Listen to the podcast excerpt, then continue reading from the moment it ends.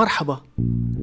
حلقتنا اليوم حلقة مميزة لأنه حلقتنا اليوم رح تكون عن الننوسة المحروسة قمر الليالي ويا ويل ويل حالي أميرة الدلع الموزون وزعيمة اللي فكر حالك رح تشم وأوعى عمرك تحلم إنك تدوق نجمة الدلال والكلمة اللي معناها عكس الابتدال عصفورة القلوب الحالمة والمستحلمة الفنانة الرقيقة اللي بالحلاوة عريقة نانسي عجرم.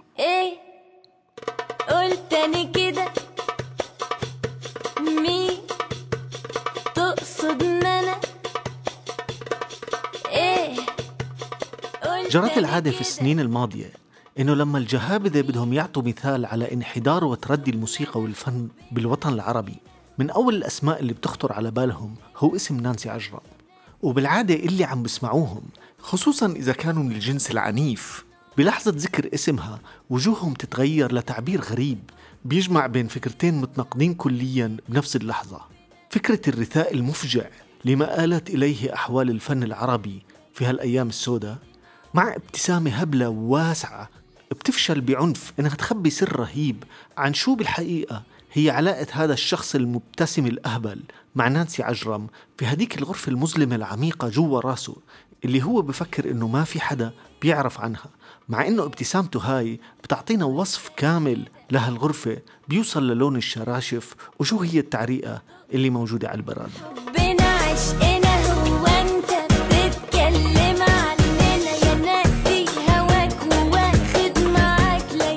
طبعا البنت الحلوة هي أكبر خطر ودليل على الانحدار في المجتمع اللي عايش على الكبت وعدم الإحساس بالأمان.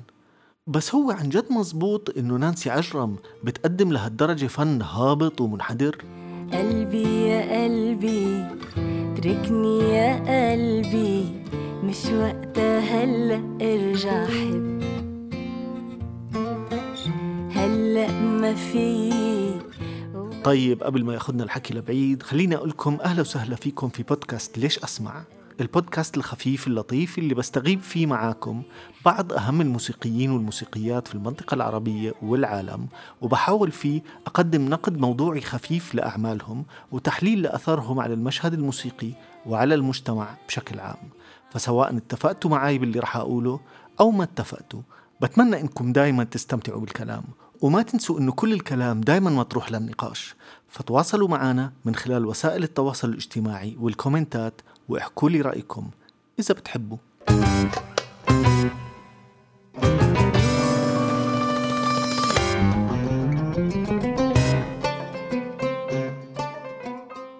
نانسي عجرم بصراحة شخصية مثيرة للاهتمام بالنسبة إلي. لو كنت ما بتعرف شي عن حياتها الخاصة زي هيك قبل ما أحاول أعمل شوية بحث بالموضوع عشان هالحلقة بتفكر إنها أكيد عايشة حياة ال pop star على الآخر. طلعات وسهرات غير شكل وصحافة صفرة وفضايح وبلاوي زرقاء. بس كل اللي قدرت ألاقيه إنها على ما يبدو عايشة حياتين مختلفات. نانسي النجمة الجذابة بالميك اب والفساتين على المسرح وفي التلفزيون. اللي بنفس الوقت ماما نانسي اللي صار لها 14 سنة متجوزة واحد دكتور أسنان طبيعي ما طلقته ولا مرة حتى بعد ما قبعت معاه مرة وطخ واحد كان داخل لعندهم على البيت بدون ما يطلب إذن. وعندها ثلاث بنات حلوين وحياتها على الأقل من برا شكلها طبيعية ما بتشبه أبدا حياة المشاهير خصوصا لما يكونوا أشكالهم زي شكلها وصورتهم في عقول الناس زي صورتها. شخبط شخبط لخبط لخبط مسك الألوان ورسم على الحيط. شخبط نانسي بلشت حياتها الفنية وهي لسه عمرها 11 سنة. بمشاركة في برنامج للهوى فازت فيه بالمركز الأول. بس أعتقد إنها كانت محظوظة إنه في حد وراها من أهلها كان عارف شو عم بيسوي. وبعدها عن الوسط والشغل في الموسيقى عشان تقضي بالأول كم سنة بتدرس فيهم موسيقى وغنى. بس برضه رجعت للشغل وهي لسه صغيرة. ولما سجلت في نقابة الفنانين اللبنانيين كانت لسه ما صار عمرها 18 سنة. بالفترة الأولى طلعت ألبومين ما نجحوا كل هالنجاح الخارق لحتى ما التقت مع مدير أعمالها لحد اليوم الأستاذ جيجي لمارا اللي يبدو أنه كان وراء إعادة تدويرها إلى منتج قدر يوصل لكل حارة وكل بيت في المنطقة العربية والخارج لدرجة أنه أوبرا وينفري شخصيا استضافتها وقدمتها على أنها أشهر نجمة بوب في الشرق الأوسط.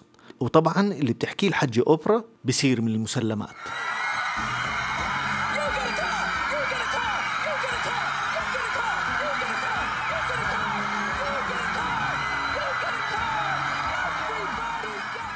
قبل ما نخوض أكتر في موضوع نانسي وشغلها في شغلة إلها علاقة بموضوعية النقد الفني اللي عم بحاول إني أقدمه. أنا مؤمن فيها وبحاول أتبعها على قد ما بقدر وأنا بحضر هالبودكاست. وهي إن الحكم على أعمال أي فنان أو فنانة ما بصير يكون بالمطلق.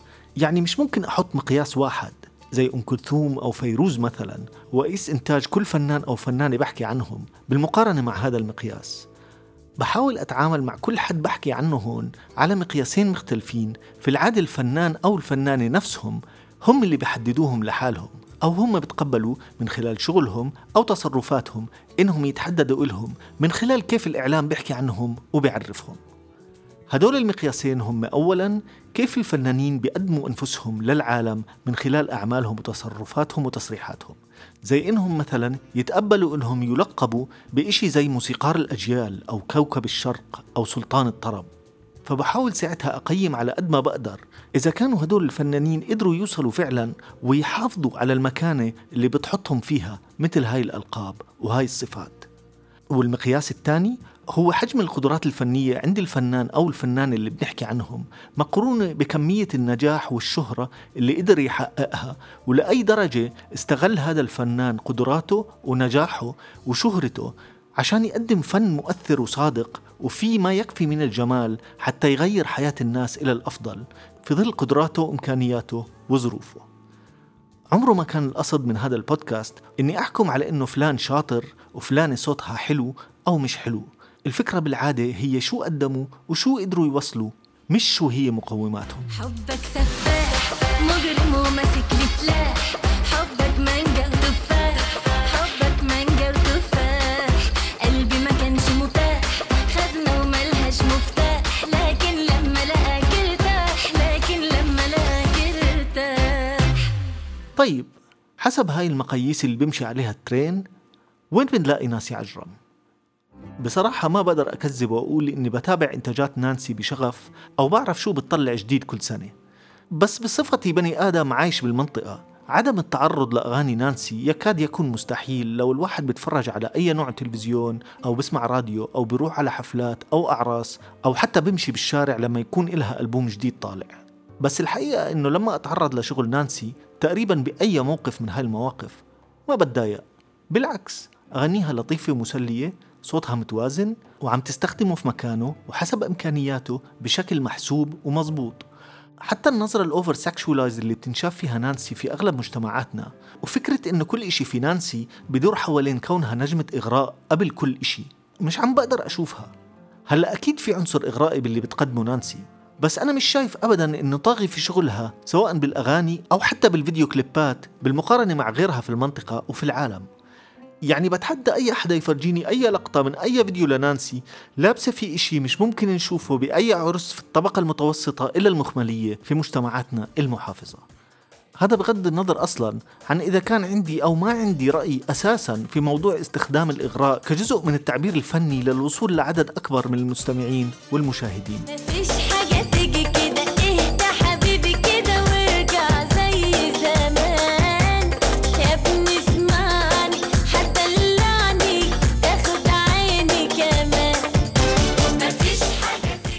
نانسي مؤدية متمكنة. بتعرف قدراتها وبتلتزم فيهم كويس وبتعرف تستغلهم لأكبر حد ومش بس في الفيديوهات المصورة.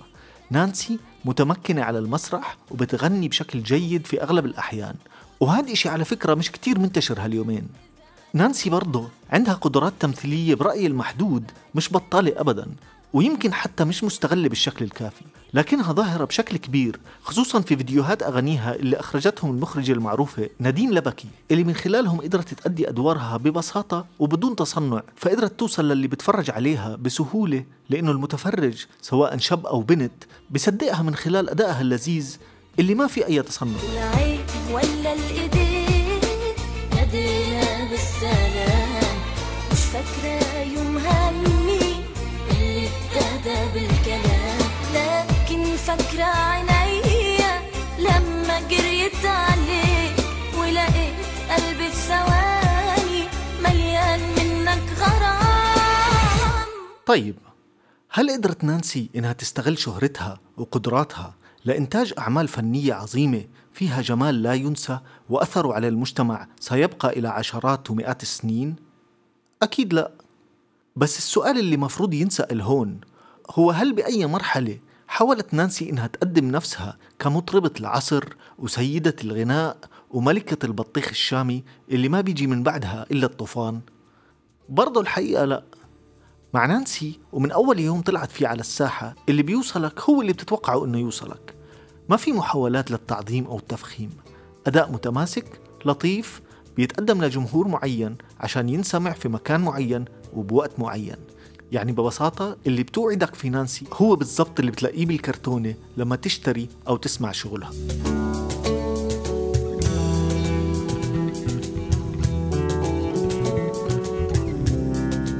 مشان هيك بصراحة ما بقدر أنتقدها كتير في هذا المجال وبكل تأكيد ما بقدر أعتبرها بأي شكل مثال أو دليل على الانحطاط أو الابتذال اللي وصلت له الموسيقى العربية الدارجة لأنه بكل عصر من العصور سواء العصور الذهبية أو العصور التنكية دايما كان في نانسي ودايما رح يكون في نانسي.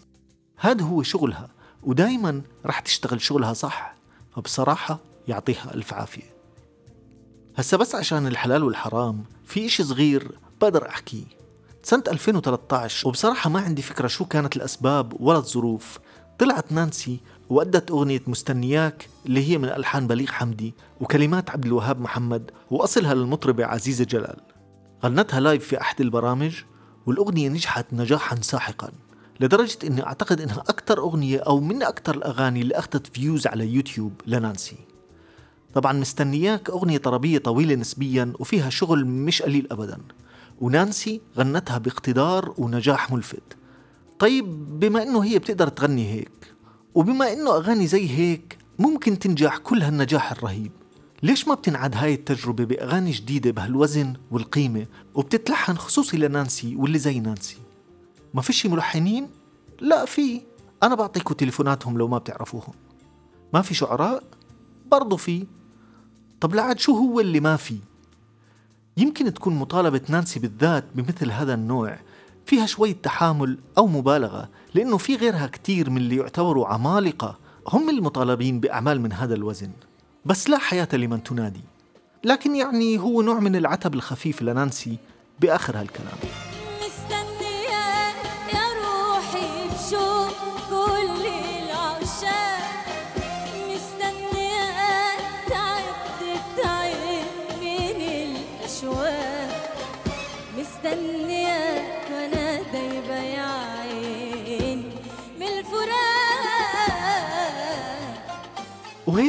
منكون وصلنا لآخر حلقتنا مع نانسي عجرم. الفنانة المحترفة وأكثر صوت بتسمعه في أي عرس في الوطن العربي.